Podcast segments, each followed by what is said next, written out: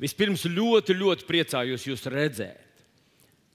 Un, ja kāds mūsu vidū ir pirmo reizi, nu, vispār pirmo reizi mūsu draudzē, tad jums ir palaimējies atnākt ģimenes mēnesī. Maija mēnesis katru gadu mums ir tā tāds, tāds kad mēs atkal novērtējam, runājam, atgādinam sev un atgādinam um, arī savējiem, ka mēs te esam, mēs esam dāvana pasaulē, esam dāvana viens otram. Un parasti tā jau nu, parasti mēs tā nemēdzam teikt, un tas varbūt nav labais tonis, bet uh, atcerieties, ka arī tu pats, tu neesi krusts, tu neesi nasta, tu neesi uh, tāds piektais ritenis, bet tu esi Dieva dota dāvana šai pasaulē, cilvēkiem, kas ir tev apkārt, taviem radiem, tavai ģimenei, taviem bērniem un, un visiem tiem, kas tevi satiek. Tu esi dāvana. Pasaka, varbūt līdz ar maniem jau no piekrīt, es esmu dāvana.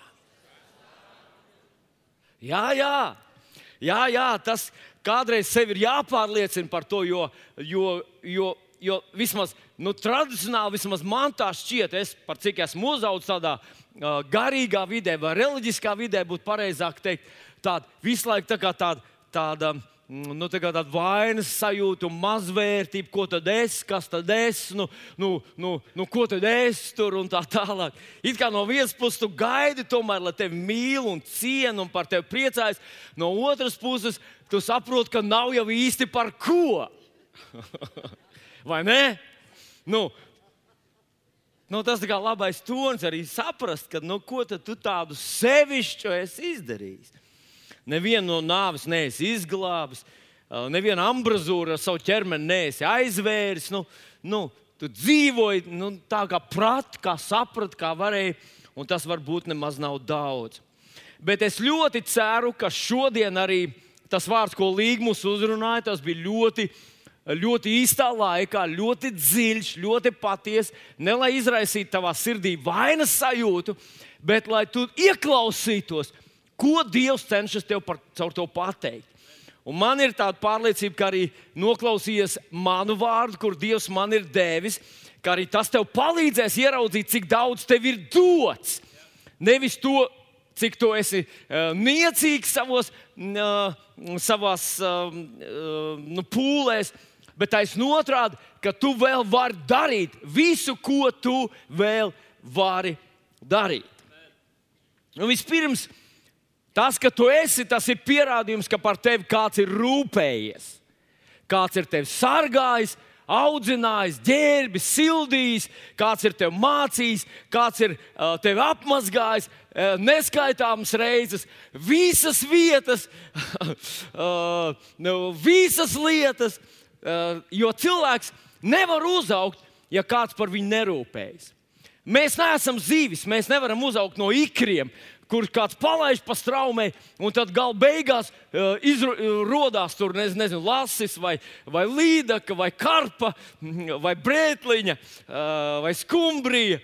Nu, uh, Vai vēl kāds zivs, jā, kuras es neesmu tik liels zivju speciālists, zinu vēl dažus, bet apstāsimies pie šīm. Uh, Nu, cilvēks tā nevar. Kad cilvēks piedzimst, viņš ir absolūti bezpalīdzīgs. Ja tu esi tāds pats kā es, es biju pilnīgi bezpalīdzīgs. Es atceros, vienīgais, ko es mācīju, ir kliegt. Es pat nemācīju izrunāt neko. Nemācīju pateikt paldies vecmātei, tam doktoram, mammai. Neko nemācīju pateikt, ne, ka man vajag uz to lietu, ne ka gribēs. Neko. Vienīgais, ko es varēju atvērt muti un izdaist, izlaist skaņas, kas bija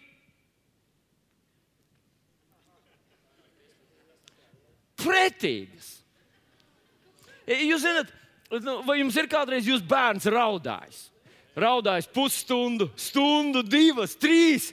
Un jūs tracināt jau, es esmu mātes, tas laikam nomierina, bet, bet tēvus, nu, es saku no savas personīgās pieredzes, tas ārpus tas sliktāk nekā bumbu sprādzienu gandrīz. Vai, zini?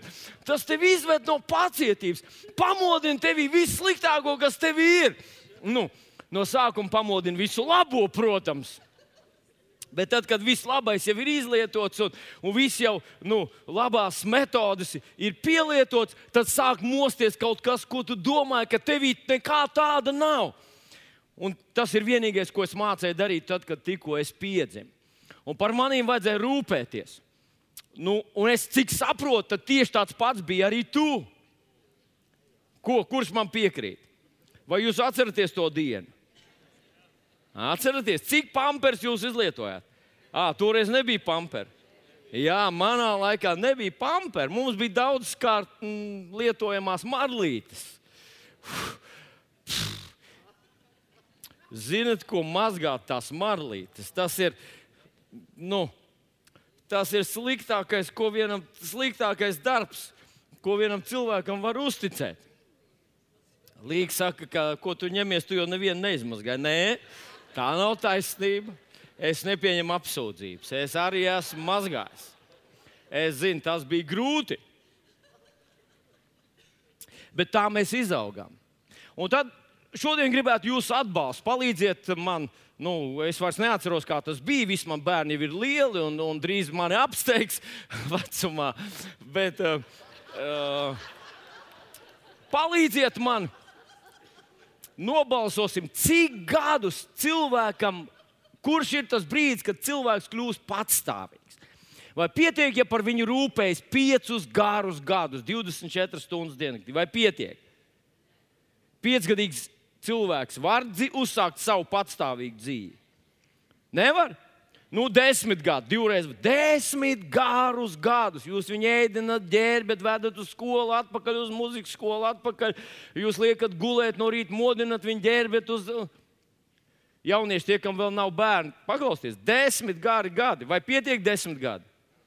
Kuram pietiek desmit gadi? Neviens. Cik tad vajag tos gadus? Mans dēls vecākais saka 40 gadus. Nu, ja jūs pajautāsiet kādai Izrēlā, kādai ebreju mammai, tad klasiski ebreju mamma teiks tā. Tikai tad, kad viņš pabeidz vai nu mūzikas akadēmiju vai, vai uh, medicīnas institūtu, ja, tad viņš var uzsākt patstāvīgi savu dzīvi. Nu, pamatā. Nu, ja man neizdevās, bet nu, piedodiet. Tā kā tajā mirklī tikai cilvēks kļūst patstāvīgs kad viņš ir, nu, kad viņš ir ieguvis savā dzīvē kaut kādu profesionālu profesiju un var uzsākt savu darba gaitas. Nu, labi, te viedokļi atšķirās. Bet šodien es gribu teikt, ka tas bibliskais skatījums uz vecākiem ir ļoti, ļoti, ļoti pozitīvs. Nu, paskatieties, piemēram, Psalms 27, 10, kur ķēniņš Dārvids saka tādus vārdus ja mans tēvs un mana māte mani atstātu, tad tas kungs mani pieņems. Ja man, mani atstātu tēvs un māte, tad tas kungs mani pieņems. Ziniet, man jāsaka, ka tas ir drusku, drusku savādāk nekā tradicionāli cilvēku uzskata. Jo tradicionāli cilvēku uzskata tā, ka tad, kad Dievs atstums, tad vēl aizvien māte un tēvs pieņems ka Dievs ir tas pirmais, kurš atstāja. Bet Bībeles viedoklis ir pretējs. Ja tavā dzīvē var notikt kaut kas tik šausmīgs, tik neiedomājams, ka varētu atstāt tēvs un māte, vai tas ir iespējams? Nu, es nezinu, ko tu domā, vai ir iespējams vai nav iespējams. Nu, kaut kur no preses mēs lasām, ka kaut kāda tāda gadījuma ir. Bet interesanti, ka Jēzus grāmatā 49. nodaļā Jē, eh, eh, gandrīz teica, ka Jēzus uzdod tos vārdus. Tas nav Jēzus, tas ir pravietis, kurš runā uh, Dieva uzdevumā, un viņš saka tādus vārdus. Vai var māte aizmirst savu zīdaini un neapžēloties par savu mīsīgu bērnu? Nevar. Dekur es dzirdēju, nevar. Vismaz vienu. Kurš domā, ka, ka nevar? Aha, nu, gandrīz viena trešā daļa. Nu, acīm redzot, otra eh, divas trešdaļas uzskata, ka nu, var. Jā. Nu, tā tad vismaz toreiz šķiet, ka šis jautājums, vai var māte atstāt savu zīdēnu un neapžēloties par savu mīsīgu bērnu, eh, ka toreiz atbild bija nevar. Tas nav iespējams. To nevar izdarīt. Un tad viņš saka tālāk, un ja pat māte tevi aizmirst, es tevi neaizmirsīšu. Redzi, abu savu rokstu plaukstā es, te, es tevi esmu iezīmējis, tavi mūri ir vienmēr manā priekšā. Dievs runā par tautu, Dievs runā par cilvēkiem. Un šeit es vēlreiz gribu teikt, ka šis bibliskais koncepts ir tāds, ka Dieva attiecības pret cilvēku, Dieva mīlestība uz cilvēku, Dieva uzticība cilvēkam ir stiprāka, noturīgāka, tā ir pastāvīgāka nekā vecāku attiecības ar saviem bērniem. Un tomēr Bībeles viedoklis par to, ka vecāki tas ir kaut kas tik monumentāli pastāvīgs, tik monumentāli noturīgs, tik kaut kas drošs, ka Dievs salīdzina savas attiecības ar cilvēkiem, salīdzina ar vecāku attiecībām ar bērniem. Tas bibliskais uzskats par vecākiem, ka viņi ir ļoti ietekmīgi. Ka viņi ir tik ietekmīgi par saviem bērniem, ka paskatieties, Salmans saka, pamācībās 22. nodaļā, 6. pantā, viņš saka tā. Māci savam bērnam viņu ceļu, no tā viņš neatstājas arī tad, kad viņš jau vecs kļuvis. Citiem vārdiem, vecāki, tēvs un māte var ietekmēt savu bērnu atstāt savu bērnu dvēselē, savu bērnu būtībā tādas pēdas, ka tas ietekmē visu viņu dzīvi. Un, respektīvi, jo tas ietekmē visu viņa dzīvi, tas ietekmē arī viņa bērnus, tātad mazbērnus un maz, mazbērnus. Un šodien es uzdodu tādu jautājumu, cik ļoti mana, es, mana personība ir mana tēva vai mana vecā tēva, vai varbūt manas vecās mātes ietekmēta. Un Bībelē saka, ka tam tā vajadzētu būt. Bet, mīļie draugi, es gribētu no otras puses padomāt no tā, par tādu tradicionālu pieeju un tradicionālu uzskatu šajā jautājumā. Vai tad nav tā, ka bērni tas ir kaut kas pilnīgi jauns? Tas ir kaut kas nezināms, tas ir kaut kas, kaut kas nācis no debesīm, Un mēs uz mirkli pie tā varam pielikt savus rokas, bet tad tas aiziet savu neatkarīgu ceļu. Un mēs nezinām, kur tas nonāks un kas no tā visa sanāks. Vai tas tā nav? Nu, bija reiz viena ģimene, kas domāja līdzīgi. Viņi domāja, nu kas, kas no mūsu bērna sanāks, kas no mūsu dēliņa sanāks. Dēliņam bija pieci gadi, un viņi teica, tā, mēs gribētu zināt laicīgi jau, par ko viņš kļūs Kā, ko viņš darīs savā dzīvē, par ko viņš taps. Un tad viņi uzaicināja vietējo garīdznieku, lai viņš atnāk. Varbūt viņš var dot viņiem kādu padomu šajā jomā, kā mēs varam noskaidrot, kas tas bērns būs dzīvē. Un atnāca vietējais garīdznieks, un viņš saka, tā ļoti vienkārši. Man ir tāds tests, ar kuru palīdzību mēs vienkārši noskaidrosim, par ko jūsu bērns kļūs. Nu, vecāki bija ļoti ieinteresēti. Viņi teica, tā vajag to bērnu izvest ārā blakus istabā un nolikt, kad viņš nāks iekšā, lai viņa priekšā ir trīs lietas - alkohola pudele, bībele un naudas kaudzīte. Un tagad skatīsimies, ja ienākot iekšā istabā, šis mazais eh, paņems naudas žūksnīt, viņš būs banķieris. Ja viņš paņems bībeli, būs mācītājs. Ja viņš paņems alkohola pudeli, viņš būs nekam nederīgs dzērājs. Ir labi to laicīgi zināt. Tātad. Nu, lūk, vecāki domā, tas gan ir brīnišķīgi uzzināt laicīgi. Viņi izved bērnu ārā, aiztaisa durvis, viņu tur izklaidē, un tad atver durvis un ļauj bērnam ienākt iekšā. Nu, visi stāv apkārt un skatās, ko tad šis mazais zēns izvēlēsies. Mazais pienāk pie naudas čupiņas, savāc, paņem bībeli, savāc un paņem alkohola pudeli. To ieraudzīs mācītājs, saķer galvu un saka, ka Dievs viņš būs jezuīts. es gan nezinu kāds sakars jēzuītam ar visām šīm trim lietām, bet tāds bija tas stāsts, kur es izlasīju, un es jums viņu atstāstīju atpakaļ. Tātad, kā mēs varam zināt par to, kāds, kāds tas mans bērns būs? Vai tas viss nav Dieva rokās, taču Dievs dod bērnus, un Viņš zina to sākotnējo nodomu, un tā tālāk mēs par to neko nezinām. Tā taču ir, vai ne? Reiz vienam vīram, kuram bija 12 bērni, es jautāju, cik viņam būs bērni. Viņš teica, cik Dievs gribēs, tik mums būs. Ar to viņš mēģināja pamatot to, ka visi viņa 12 bērni ir Dieva doti. Tas bija Dieva lēmums, tā bija Dieva griba, un viņi jau neko tur lielu tajā visā darīt nevarēja. Varbūt tu arī domā tāpat, ka bērna dzimšana tā ir suverēna Dieva griba. Viņš izlemj, un tad bērns piedzimst, un tu tur neko nevar darīt. Jūs dzirdējāt, arī Līga teica, ka mums katrs bērns bija pārsteigums. Nu, daļai tam noteikti var piekrist, ka pārsteigums tas bija, jo mēs to negaidījām tieši tajā dienā.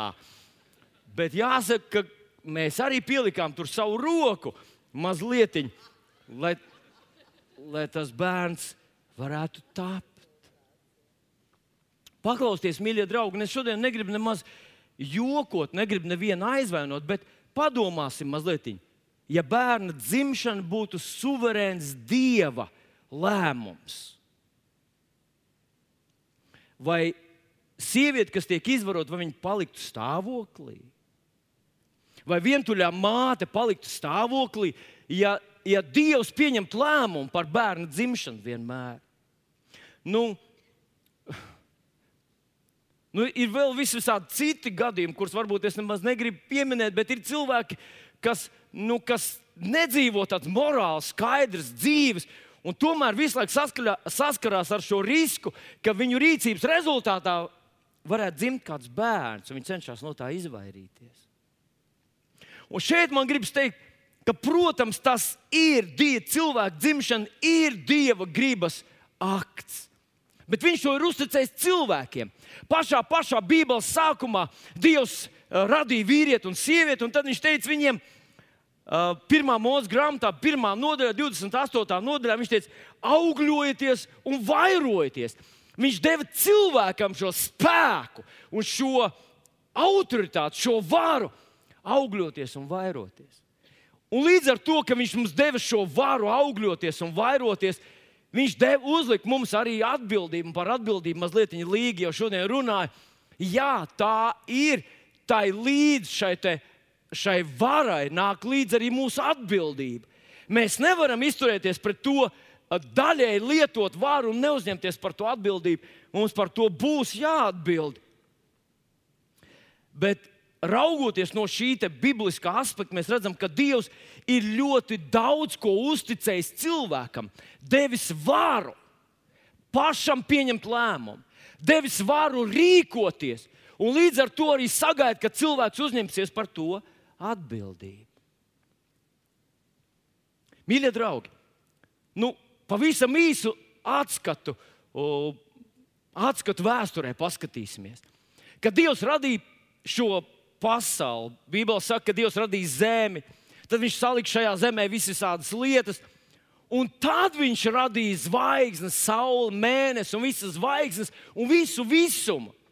Un tad rakstīts, kādēļ viņš radīja šo visumu. Viņš teica, lai tās zvaigznes gaismotu, lai tās būtu par laikiem, mēnesi uh, un sauli laika noteikšanai, par zīmēm, un lai tās ietekmētu zemi. Izrādās tas bibliskais koncepts ir nevis, ka Zeme ir maza, uh, neievērojama planēta visā tajā milzīgajā kosmosa būtībā, bet ka Zeme ir centrs, visuma centrs, viss cits apkārt Zemē ir radīts Zemes dēļ.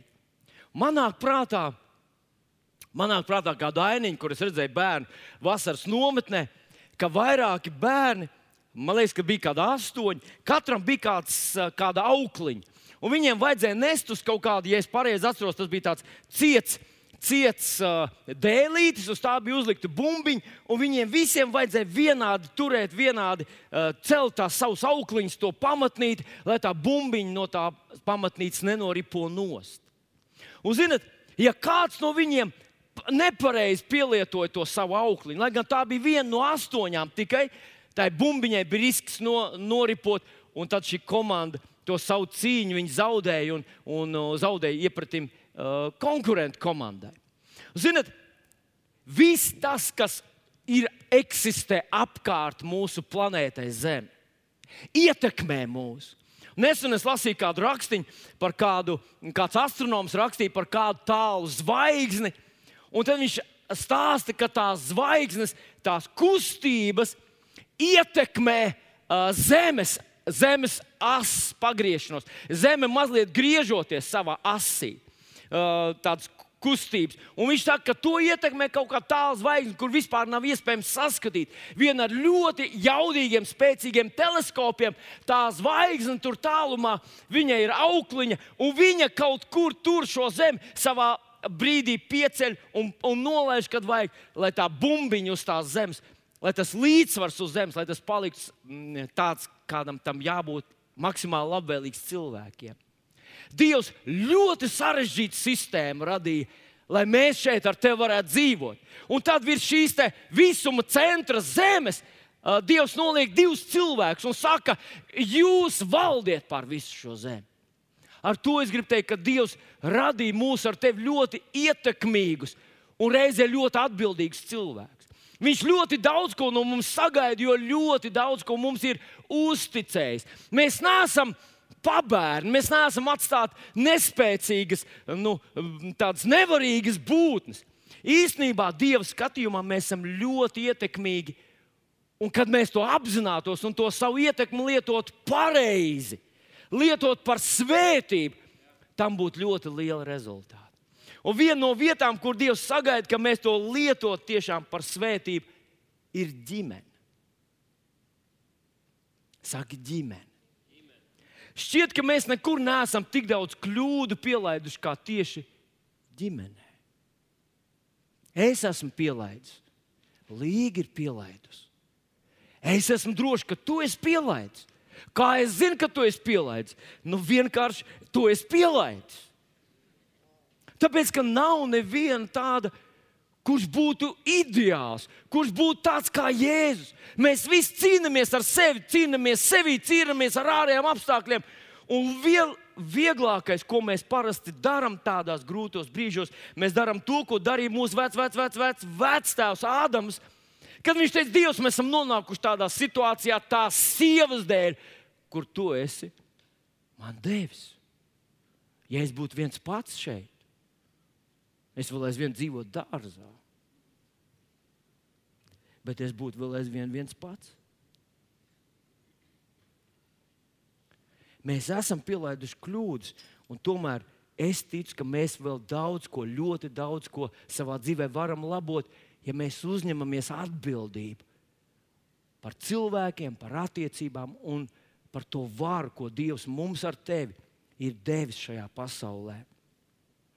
Un man nāk prātā stāsts par, par, uh, par kādu cilvēku, kurš uh, par kādu ģimeni, tā ir mano ģimene, uh, soļu grāmatā 13. nodaļā ir uzrakstīts, ka tajā ģimenē ilgi nav bērniņi, un tad pie, pie tās sievas, kā eņģēlis saka, tu domā, ka esi neauglīga, jo tu neesi dzemdējusi pie viņas atnāk eņģelis un saka, viņai tev būs bērns, un tev ar viņu kādā konkrētā lietā ir jādara tā un tā, tas būs izredzētais. Un tas, kā mēs visi zinām, vēlāk ir, ir viens no Bībelē vissvaidītākiem cilvēkiem, tas ir Simpsons.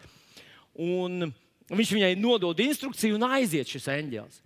Un tā mano sieva atnāk pie sava vīra un saka, es redzēju Dievu vīru, un viņš man teica, ka man būs dē, ka mums būs dēls. Un tad viņš teica, ko lai mēs darām ar to dēlu, ka viņa mācis nedrīkst griezt, ka viņš nedrīkst e, konkrēts kaut kādas lietas dzert, viņš nedrīkst ēst un tā tālāk. Un tas mano, kā sauc to vīru, viņš saka Dievam tādu lūkšanu. Dievs, es dzirdēju, ka tu biji apmeklējis manu sievu. Es dzirdēju, ka tas ir bijis Dieva vīrs, kas viņu uzrunājis. Es dzirdēju, ka mums būs dēls, bet. Un tad viņš pamato, kāpēc viņš grib lai eņģelis atnāk vēlreiz. Lai tiešām mēs izdarītu pareizi. Lai es izdarītu pareizi, lai mēs uzaudzinātu to puisīti pareizi, lai viņš tiešām varētu būt tas, ko tu gribi, lai viņš ir. Paklausies. Viņš nevis teica, wow, man būs dēls, yes! Es beidzot varēšu ar visiem večiem kopā tusēt un teikt, jā, man viss ir kārtībā, vot tā, man ir dēls. Un toreiz spiediens bija lielāks nekā šodien. ka bērnam ir jābūt, bērnam, bērnam ir jābūt citādi, kaut kas nav labi ar tevi. Bet viņš par to nepriecājas. Viņš saka, lai mēs izaudzinātu viņu pareizi, lai mēs zinātu, kā rīkoties. Dievs atsūti eņģeli. Un zinat ko? Liekas, utopiska lūkšana. Bet Dievs sūta eņģeli vēlreiz. Eņģelis vēlreiz atnāk un vēlreiz izstāsta. Un manā izpratnē Dievs respektē šo atbildību, kuru cilvēku mēs uzņemamies. Kad mēs sakām, tas būs mans bērns, es par viņu atbildu. Man ir jāieliek viņa dzīvē, viņa dvēselē tādas lietas, lai tas cilvēks tiešām aiziet līdz galam, lai tas ietekmē visu viņa dzīvi, lai viņš ir tas, par ko Dievs grib, lai viņš tiešām ir. Tā nav Dieva atbildība. Viņš to atbildību deleģēja tev, deleģēja man un vīri. Mums kādreiz ir problēmas. Es kādreiz vēroju vīrus, un tas domāju, mēs, mēs nu, jūs zināt, kurš zina vislabāk, kādiem ir jābūt vīriem? Sievas. Es tā kādreiz domāju, ja mēs varētu apmainīties ar lomām, uz, uz vienu gadu man sieva varētu būt nu, tēvs. Ugh, kādas pēdas viņa atstātu man bērnu dvēseles, nu, kamēr vēl viņa bija maza. Viņa zināja, kā vajag. Es vienmēr kādu mežu nocirtu, un kad vajadzēja izcirst stīgu, es vienmēr paķēru līdzi vēl kaut kādu zemeņu dobu vai kaut ko tur. Vienmēr kaut ko ne tā. Un tomēr Dievs ir mums uzticējies. Viņš vēl aizvien sagaida, lai mēs nevis, nevis um, novītīsim, nevis izlaidīsim gaisu un teiksim, Hortard, es jau centos, es jau gribēju, es jau, man jau neļauj, es jau vienmēr kaut ko izdaru. Nu, kad tu spēlē futbolu un te saka, ka tu nepareizi aizsit garām, nu, nesaki, es centos. Ne, tu saproti, ka ir jāma, jātrāpa vārtos. Kurš zina, ko nozīmē trāpīt vārtos? Vīri, es vīriem jautāju, sievietes nezinu. Jā, Tas nozīmē smagi strādāt, lai tu varētu to izdarīt. Bet tu uzņemies atbildību, tu saproti, ka tas ir jādara, un Dievs to atbalsta. Un šeit mēs redzam, ka Dievs pat sūta eņģeli. Mīļais draugs, ja tu plāno tagad lūgt, lai Dievs sūta eņģeli, es esmu tas eņģelis. Šajā rītā es te uzrunāju, noklausies līdz galam, vairāk eņģeļu nebūs. Viņš to deleģēja man. Viņš teica, lai es palīdzu tev sagatavoties tavai kalpošanai. Tā tad cilvēks ir tik ļoti uh, ietekmīgs, tik ļoti spēcīga būtne, ka Dievs grib, lai mēs to savu ietekmi tiešām lietojam, mēs, to atstājam kā tādas dziļas, svētīgas pēdas mūsu bērnu dzīvēm. Un tad, un tad ir vēl viena rakstvietiņa, kur gribu atgādināt, un tā uh, rakstvietiņa ir ka mēs varam būt ne tikai fiziski savu bērnu vecāki, mēs varam būt vecāki arī garīgi. Mēs varam būt vecāki, un faktiski mēs esam vecāki. Katru reizi, kad mēs ietekmējam cilvēkus, kad cilvēki mūs uzklausa, kad cilvēki mūs ieklausās mūsu viedokli, un īpaši es šeit runāju par garīgu viedokli. Mēs kļūstam par vecākiem kādam cilvēkam, mēs ietekmējam viņus. Un šeit es šodien gribu teikt, ka neizturēties it kā tā ietekme būtu niecīga, it kā tavu vārdu neko nenozīmētu, it kā tu nezinātu patiesību. Taisn otrādi, saproti, ka tava ietekme ir ļoti spēcīga Un tu vari ietekmēt cilvēkus, ietekmēt tik ļoti, ka viņi nonāk debesīs pēc savas dzīves. Un tas ir tas, ko Dievs grib arī, lai tu dari. Un tad Marka evanģēlijā, 9. nodaļā, lasa tādus Jēzus vārdus. Ja kas grib būt pirmais, lai no visiem ir pēdējais un viss kalps, Nu, pirmais, tas attiecas uz vien, mums visiem. Mēs visi gribam būt pirmie. Citi to atklāti pasakā, citi to kautrīgi, varbūt nepasaka bet viņš, mēs gribam, mūsos ir iekšā tas. Mēs gribam patiesi nodzīvot savu dzīvi ar jēgu, ar rezultātu. Mēs gribam tādu būt. Un tad viņš saka, kā jūs to varat izdarīt? Kļūstiet par kalpu visiem. Parūpējies par visiem. Un tad viņš rāda piemēru. Viņš paņem bērnu, nostāda to viņu vidū apkampju un saka, ja kāds, ja kas vienu no šiem bērniem uzņem manā vārdā, tas mani uzņem. Un te iet runa par cilvēku, ka tu to ietekmē, ka tu to parādi tam mīlestību, ka tu to uzņem mm, kā, kā Kristus māceklis, kā Dieva sūtnis, kā cilvēks, kuram Dievs ir devis šo varu ietekmēt cilvēku dzīves. Tu, kad tu viņu pieņem, tu pieņem mani, un kad pieņem mani, tu pieņem to, kas man ir sūtījis. Un vēl paklausies raksturvietiņu no, no mūsu grāmatas 18. nodaļas, 19. pāns, kur Dievs runā par Abrahāmu un paklausies, kā viņš saka par viņu.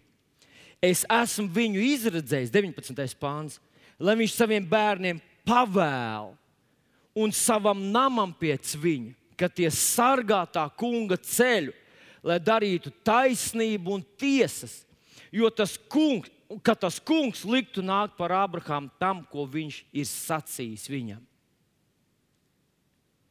Vai tu sadzirdēji?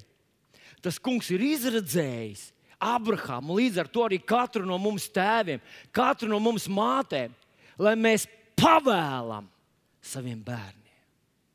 Lai mēs atstājam viņiem pavēli. Jēzus nobeidz savu kalpošanu ar lielo pavēli. Viņš saka, Abrahām, es esmu izredzējis, lai viņš pavēl. Tas nozīmē, ka mēs dodam tādu mandātu ka mēs savu bērnu ceļu zinām, ka mēs to redzam, ka mēs saprotam, ka mēs dodam viņiem uzdevumu dzīvē. Un tas ir kaut kas liels un nozīmīgs, jo Dievs to tā ir ieplānojis. Vēlreiz, mīļais draugs, Dieva skatījumā mēs nevienkārši uzaudzinām savus bērniņus, barojam, ģērbjam viņus līdz 18 gadiem un sakam, visa plašā pasaule ir tavā priekšā. Nē, tas Tas ir šīs pasaules bezatbildīgs, eh, bezatbildīga attieksme.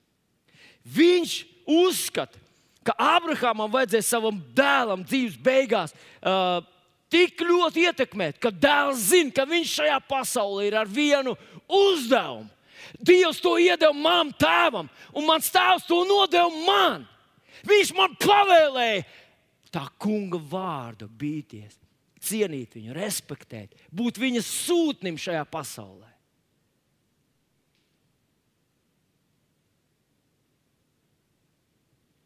Varbūt tavs bērns jau ir pusauģis gados, un tu līdz šim vienkārši izturējies, un tā ir tava dzīve, tā ir tava veselība. Tu jau pats skaties, redzēsi, kā tu vēlāk mocīsies, vai kaut ko tam līdzīgu. Bet bibliskais skats ir, ka tu lieto to savu autoritāti. Nevis saka, Dievs, tev kaut kas jādara ar viņu. Dievs saka, tu kaut ko izdari ar viņu. Tev ir varbūt vēl kāds laiks. Lieto to. Ietekmē cilvēkus tev apkārt. Ietekmē viņus pozitīvā, Dieva mīlestībā, ticības veidā. Ietekmē cilvēkus, Dievs saka. Un šeit burtiski nepastarpināti viņš runā par saviem bērniem ietekmē viņus, atstāja viņiem mandātu šajā pasaulē. Lai viņi saprotu, ka viņi šajā pasaulē ir ne vienkārši lai meklētu savu ceļu, bet lai piepildītu to Dieva doto misiju, kas tev ir jāizdara. Un nu es gribu pateikt trīs pavisam vienkāršus soļus, kas tev jādara, lai tu ietekmētu savus bērnus. Trīs vienkārši soļi, lai to varu, kas tev diev, ir Dieva dota, lai tu to pielietot. Protams, ka var tam pievienot kaut ko vairāk, un tu vari strīdēties ar mani, kurš ir svarīgāks un kā. Bet, ja tu šīs trīs lietas sāksi ar tām, es ticu, ka Dievs tev palīdzēs ietekmēt savus bērnus uz, uz labu. Un tā pirmā ir tiecies pēc labākā. Tiecies pēc labākā. Vienmēr var samierināties ar kaut ko, bet tu tiecies pēc labākā. Raksturvietiņa, kur grib nolasīt, ir no ebreju vēstures 11. nodaļas, no 14. panta un uz priekšu pāris pantus. Un te viņš runā par uh, ticības varoņiem, un tad viņš saka, jo tie, kas tādas lietas runā, rāda, ka viņi meklē tēvī. Un, ja viņi būtu domājuši par to zemi, no kuras bija izgājuši, tad viņiem būtu bijis laiks atgriezties. Bet nu tie tiecas pēc labākas. Tas ir debesu tēvīs. Tāpēc arī Dievs netur par kaunu, ka tie viņu sauc par savu dievu, jo viņš tiem sagatavojas pilsētu. Nu, iesāksim vispirms ar to, ka viņš netur par kaunu, ka tie viņu sauc par savu dievu. Man jāuzdod tev tāds ļoti jūtīgs jautājums. Vai nav bijis tā tavā dzīvē, ka tu kaut kur redzi draugus cilvēku vai kādu ticīgu cilvēku, un viņš ir tādā nepievilcīgā gaismā un nepievilcīgā situācijā, un tev tā kā drusku sametās par viņu kauns. Vai tu esi bijis tādā vietā?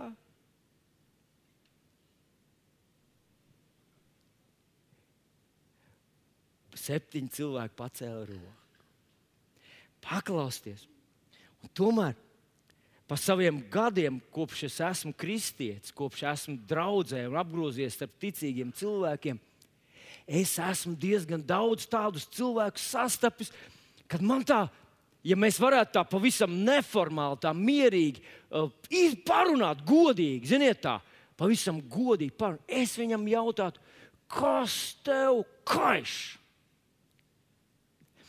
Kāds ģimenē ir pilnīgs čau, tā teiksim, grieķu vārdiem. Kāds ar bērniem uzvedās kā dunduks, kāds darba vietā izturās kā pēdējais slaists, kāds uz ielas nemāk saģērbties, nemāk. Kas tev kaiš? Man tā kā mazliet, nu, tā kā nērti. Bet Bībelē saka, ka Dievs nekaunās no tiem cilvēkiem, kas meklē labāko. Tie rakstīts, viņi ir tiecās pēc labāka kaut kā. Un kas ir tie cilvēki? Tie bija Abrahams, kur Dievs paaicināja ārā no Mezopotāmijas un aizveda viņu uz Kanānu un teica, dzīvo šeit, es tev došu visu šo zemi. Un visu savu garo dzīvi Abrahams nodzīvoja kā kas? Kā ceļotājs kā svešinieks svešā zemē. Toreiz nebija Eiropas likuma. Svešiniekiem bija mazāk tiesības. Viņi nedrīkstēja ļoti daudz ko darīt. Viņi bija svešinieki, viņi te vienkārši klīd, viņi bija imigranti. Un viņš nodzīvoja visu savu dzīvi.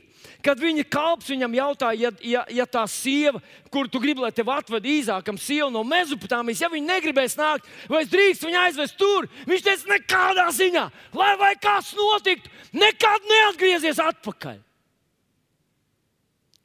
Mēs zinām, Jēkabs atveda sev divas sievas no, no Mezopotāmijas. Viņš kādu laiku tur bija pabijis, bet viņš nepalika tur. Viņš atgriezās pie šī aicinājuma. Viņš dzīvoja kā svešinieks, kā ceļinieks, kā, kā piedzīvotāji, kā svētceļnieks šajā zemē, jo viņi raudzījās pēc kaut kā lielāka un vērtīgāka. Paklausies, draugs! Es zinu, ja tu esi pieņēmis jēzu par savu kungu, tev ir kaut kā šī dimensija, tev ir kaut kā šī slāpe, šī vajadzība, šīs ilgas pēc kaut kā labāka. Nu, padomā taču, nu, aizej uz cūkūti. Un cūkūts, perfekta cūkas kūts. Vienīgi cūka uzskata, ka tur ir paradīze. Pārējiem mums gribas ātrāk no turienes prom. Kaut kas mums pietrūkst katrā īstā Dieva bērnā šajā pasaulē kaut kas pietrūkst. Paskatieties uz mūzu. Viņš uzauga faraona galmā. Un tad rakstīts, apmēram 30 gadu vecumā, ka viņš liedzās saukties faraona meitas dēls. Jūs saprotat, ko tas nozīmē?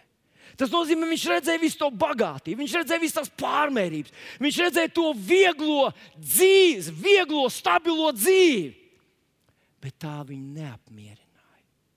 Viņā bija kaut kādas ilgas pēc kaut kā vairāk, kaut kā lielāka, labāka. Mūsos tas ir. Mēs nevaram dzīvot šajā pasaulē, it kā tas ir viss. It kā ar to mums pietikt. It kā, it kā ja mums būtu labāka mašīna, lielāka māja, lielāka alga, ja mēs būtu miljonāri, tad mums būtu gana. Tā nav. Tā nedrīkst būt. Ziniet, gribu pastāstīt pāris vārdus par savu tēvu. Viņam bija septiņu klašu izglītība. Un tad septiņu klašu, kad kādreiz dzirdēju tādu joku, ka viņš mazliet nu, kā, varbūt nepabeigtas septiņas klases bija. Viņš strādāja vienkārši darbu, mazatalgot darbu, strādāja smagu darbu tādā sūkņu stācijā.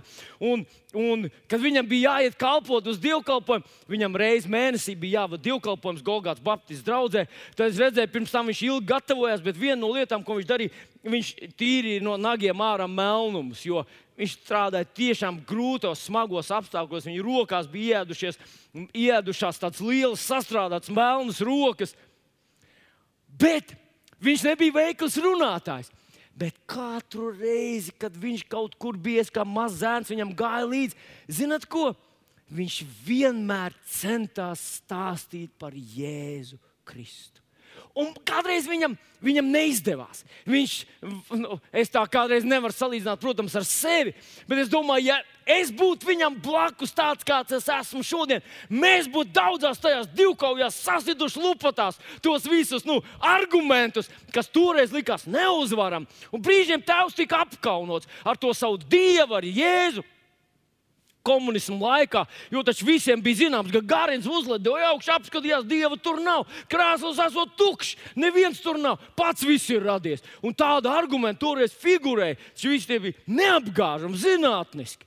Un manam tēvam, bet atkal Katru reizi ar vienu vai otru, vai tas bija garažās ar kādiem večiem vai darba vietā, viņš vienmēr mēģināja stāstīt par Jēzu Kristu. Viņam bija kaut kāda tāda liela dzīves kaislība. Tas bija Jēzus. Viņam bija veca mašīna, viņam bija maza alga, mums bija mazs dzīvoklis. Bet viņš meklēja kaut ko labāku. Viņš nekad man neteica, tās, eh, ja mēs dabūtu kaut ko, kaut kādu žiguli. Beigās viņš dabūja žiguli, un tad uzreiz, uzreiz piepirka klāt krustiņš. Viņš teica, tas būs pēdējā mašīna manā dzīvē, un tiešām tā arī bija.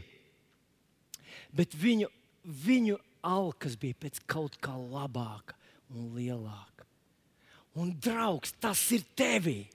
Tas ir tevī. Lai tavi bērni redz, ka tavs dzīves lielākā kaislība nav nauda, nav, nav hobijs, nav atpūta uh, Turcijā, nav nosauļoties, nav iegūt miljonu, nav kādu apdzīt uz krustojumu, nav nopirkt motociklu. Bet tavs dzīves lielākā mīlestība ir kaut kas labāks, kaut kas nozīmīgāks. Halleluja! Paklausies! Uh, uh, kā tas ir 5. mūža grāmatā, rakstīts 6. nodaļā. Klausies, Izraēl, tas kungs, mūsu dievs, ir vienīgais kungs, un tev to kungu, savu dievu, būs mīlēt no visas savas sirds, no visas savas dvēseles, no visas savas spēka. Kas ir mans dzīves lielākā mīlestība? Tas ir mans dievs. Es viņu mīlu vairāk par visu citu, un es priecājos par viņu. Un tad tālāk ir rakstīts, um, lai šie vārdi paliek ierakstīti tavā sirdī. Un Atgādini to saviem bērniem. Runā to sēžot savā namā, pa ceļu ejot, guļoties, ceļoties, sien to kā zīmi pie savas rokas, liec starp, par zīmi starp acīm uz pieres un raksti tos un liec pie sava nama durvju stabiem, ka tavs tu ilgojies pēc kaut kā lielāka. Tā otra lieta, kas tev jādara, rīkojies krustcelēs. Ir tādi īpaši brīži cilvēku dzīvē, kad ir jārīkojas, kad ir jārīkojas enerģiski. Jo ne tikai tu pats daudz ko nosaka tādā brīdī, bet viss, kas tev apkārt, redz, ka tavā dzīvē kaut kas notiek. Un es gribu, nu, nu, lai tu stādies priekšā tādu situāciju. Pa ceļu iet divi, divi cilvēki, divi ceļinieki iet pa ceļu, un viņiem no muguras skrien suns. Kā jūs varat pateikt, kuram tas suns seko? Mēs nevaram to pateikt līdz tam brīdim, kamēr viņi noniek, nonāk līdz ceļa krustcelēm. Un ceļa krustcelēs viens aiziet pa labi, otrs aiziet pa kreisi. Kur ies suns? Suns ies tur, kur aiziet viņa saimnieks. Un, zini, es gribu teikt, kamēr Jēzus un pasaule iet par vienu ceļu, nevar brīžiem pateikt, kas pieder Jēzum, kas nepieder Jēzum. Kurš viņam patiešām kalpo, kurš viņu patiešām mīl. Ir tādi periodi, kad tā kā, Visi mēs esam blakus, un šķiet, ar visiem mums viss ir kārtībā. Bet tad ir tādi īpaši brīži, kad tā kā krustcelis, kad tā kā, tā kā nodalīšanās notiek. Un viņi nenotiek uz visu laiku, varbūt vēlāk atkal sajiet kopā un atkal turpinās tas ceļš. Bet es to saucu, piemēram, par kaut kādiem īpašiem gavēņiem, kad mēs sanākam kopā lūgt. Tad ir cilvēki, kas uzskata, ak, Dievs, ja mēs nebūtu kristieši. Mans tēvs nekad tā neteica. Mēs eh, paklausieties, kā tas bija padomu laikos. Mēs aizbraucām svētdienas rītā uz, uz Golgāta Baptistu draugu. Mēs aizbraucām līdz, līdz pārgājus tiltam, kas tā bija pa ielu. Izkāpām tur ārā, izgājām cauri kapiem, apmēram 2 km nogājām ar kājām. Aizgājām uz dievkalpojumu, bijām tur desmitos uz kurmēģinājumu. Noturēja dievkalpojumu, kurš beidzās pulkstenis divos. Tad mēs ap, tāpat izgājām cauri kapiem, iekāpām autobusā, aizbraucām līdz jūglai, bišķiņu uzēdām. Tēvs iemetās gultā, mazliet pagulēja. Pēc pusstundas viņš bija gaisā. Mēs atkal braucām ar autobusu autobusu pāri gaisa tiltam, izkāpām pie kapiem, atkal izgājām cauri lieliem kapiem, kur tagad būs tramvajs, kapu tramvajs. Cilvēki tika svētīti, bet toreiz nekā tam līdzīga nebija. Mēs izgājām tam cauri, un piecos mēs bijām atpakaļ, puspiecos uz kuru mēģinājām, piecos bija dievkalpojums, un septiņos mēs beidzām dievkalpojumu. Nācām cauri kapiem un braucām atpakaļ uz savu jūglu. Un man, es nekad nedzirdēju no tēva tādas nopūtas, ja mēs būtu neticīgi, ja mēs varētu aizbraukt tur, mēs varētu šāφliku uzsākt, mēs varētu pie upes pasēdēt, mēs varētu nosauļoties, mēs varētu šo un to un visu kaut ko, bet mēs esam ticīgi. Nekā tam līdzīga es nedzirdēju. Viņa mīlestība bija Dievs, tas kungs. Viņš zināja, kas viņu ir izglābts, viņš zināja, kas viņu ir dziedinājis, un viņš to nekad neaizmirsa. Un tas manī, kā bērnā, uzsūcās no bērnības. Man prātā nenāca par to nopūsties, ka mēs divreiz svētdienā un trešdienā bijām uz dievkalpojumu. Un tad otrdien mēs bijām uz kur mēģinājumu. Miedraugi, es uzaugu baznīcā. Un es zinu, ka man vecāki rīkojās krustcelēs. Jā, viņi arī patika saulīt, viņiem patika izbraukt kaut kur, patika pagulēt, atpūsties. Patika nu, tas, kas visiem cilvēkiem patīk, bet tajos mirkļos, kad Jēzus pagāja malā un gāja savu ceļu, mēs bez domāšanas gājām viņam līdzi. Un es šodien tevi izaicinu. Es zinu, ka tev patīk brīvdienas. Es zinu, ka patīk atpūsties. Es zinu, ka tu gribi pagulēt saulīt. Es zinu, ka gari nav uzcepti un vēl daudz paliks neuzcepti, ka tu aiznomirsti no šīs pasaules, aizies prom. Bet svarīgi ir, Ko tu dari tajos brīžos, kad ir krustcelis, kad Jēzus aiziet citur? Vai tu seko viņam, vai tu nopūties un saki, ak, Dievs, mēs tā uz, vismaz uz šo svētdienu mēs gribētu būt neticīgie. Viņam tik daudz brīvdienas, katru nedēļu viņiem ir divas. Un trešā lieta, ko es gribu ļoti īpaši gribu nodot tev, tā ir pravietiska maize. Jūs taču atceraties, ka Bībelē saka, ka viss sākās ar vārdu. Visam iesākumā ir vārds. Vārds ir visam sākumā. Nav vārda, nav sākuma. Paskatieties šo raksturvietu. Vīri, es pirms griežos pie jums. Psalms 127, 4 saka, jaunības spēkā dzemdinātie dēli ir kā būtas stipra vīra rokā. Tie nav baloni. Tu nepalaid gaisā un neskaties, kur vējš aiznesīs. Tu dod viņam virzienu, tu dod viņam uzdevumu, tu dod viņam spēku virzīties šajā dzīvē. Manā jaunībā, kad es augu, man vecāki neko no tā nezināja. Mēs redzējām mazliet garu dāvāns. Mazliet. Tas bija tādā mazā rudimentārā stadijā. Un tad to nedrīkstēja baznīcā teikt. Nemaz nedrīkstēja teikt, ka mēs ejam tur uz lūgšanām, un ka tur darbojas gar dāvāns, ka māsas redz parādīšanas, un ka mēs lūdzam mēlēs. Mēs bijām konfesija, sevi cienoša konfesija. Dievs pie mums to nedara. Tas taču ir kaut kas no viduslaikiem. Izglītot cilvēku. Mēs taču zinām, ka viss beidzās līdz ar mācekļiem. Un tomēr toreiz, kad man bija 11 gadiņi, viena māsa teica, Vilnis būs mācītājs. Es redzu viņu, viņam būs liels kronis, un tajā kronī būs daudz, daudz, daudz, daudz, daudz, daudz, daudz ziedu. Tie bija tie cilvēki, kas pateicoties viņa kalpošanai, pieņem jēzu par savu kungu. Un es pie sevis domāju, pagaidi, cik tāds dzied, varbūt kronī, bet vēlāk man svētais gars no, nomierināja. Ir cilvēki, kas atnāk šeit, pieņem jēzu, ne pateicoties tavai kalpošanai, bet pateicoties, ka kāds cits ir kalpojis viņam, viņa ģimenē, viņa darba vietā, kalpojis, kalpojis, kalpojis, kalpojis. Un tad tas cilvēks beidzot saprot, ka viņam vajag jēzu. Tu esi tikai, tu stāvēji klāt. Tas ir kā kāda māte zemdē, bet tu stāv tur klāt tas jau nav uzreiz tavs bērns.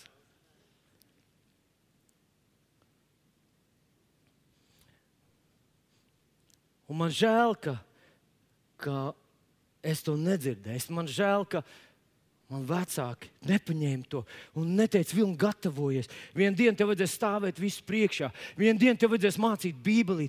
Dēls lasa Bībeli, mācies Dievu vārdu no galvas. Jo tad, kad tu būsi tajā savā aicinājumā, tad taču tad tu, tad tas tev noderēs.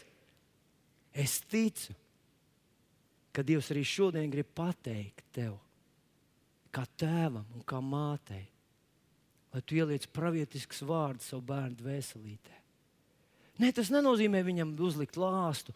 Nenozīmē viņam pateikt, tev jākļūst par to vai to, tāpēc ka es tā saņēmu.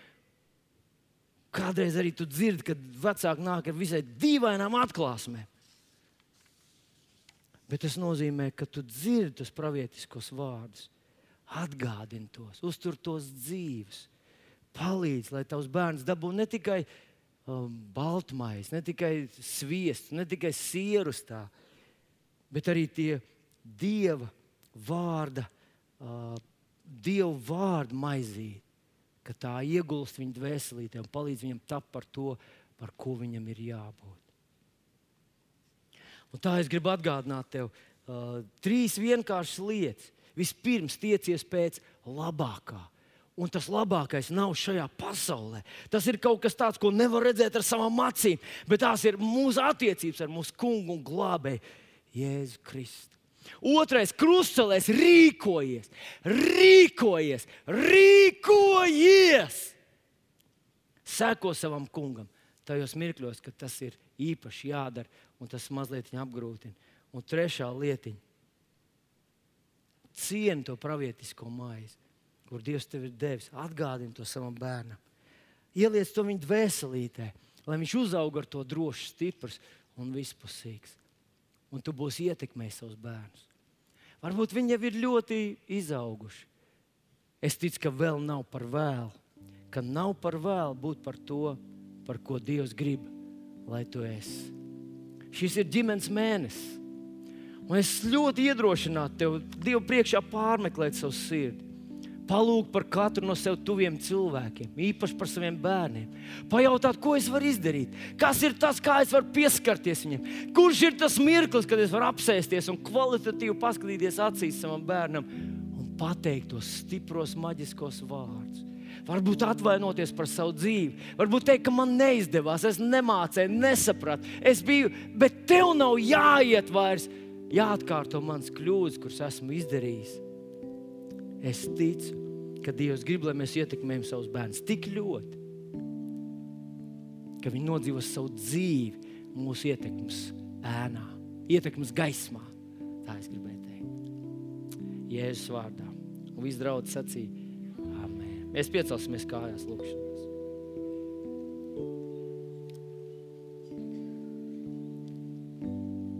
Mūsu debes Tēvs No visas, visas sirds es tev pateicos par šo dienu. Par to, ka varam svinēt savu ģimeni, ka varam pateikties par viņu.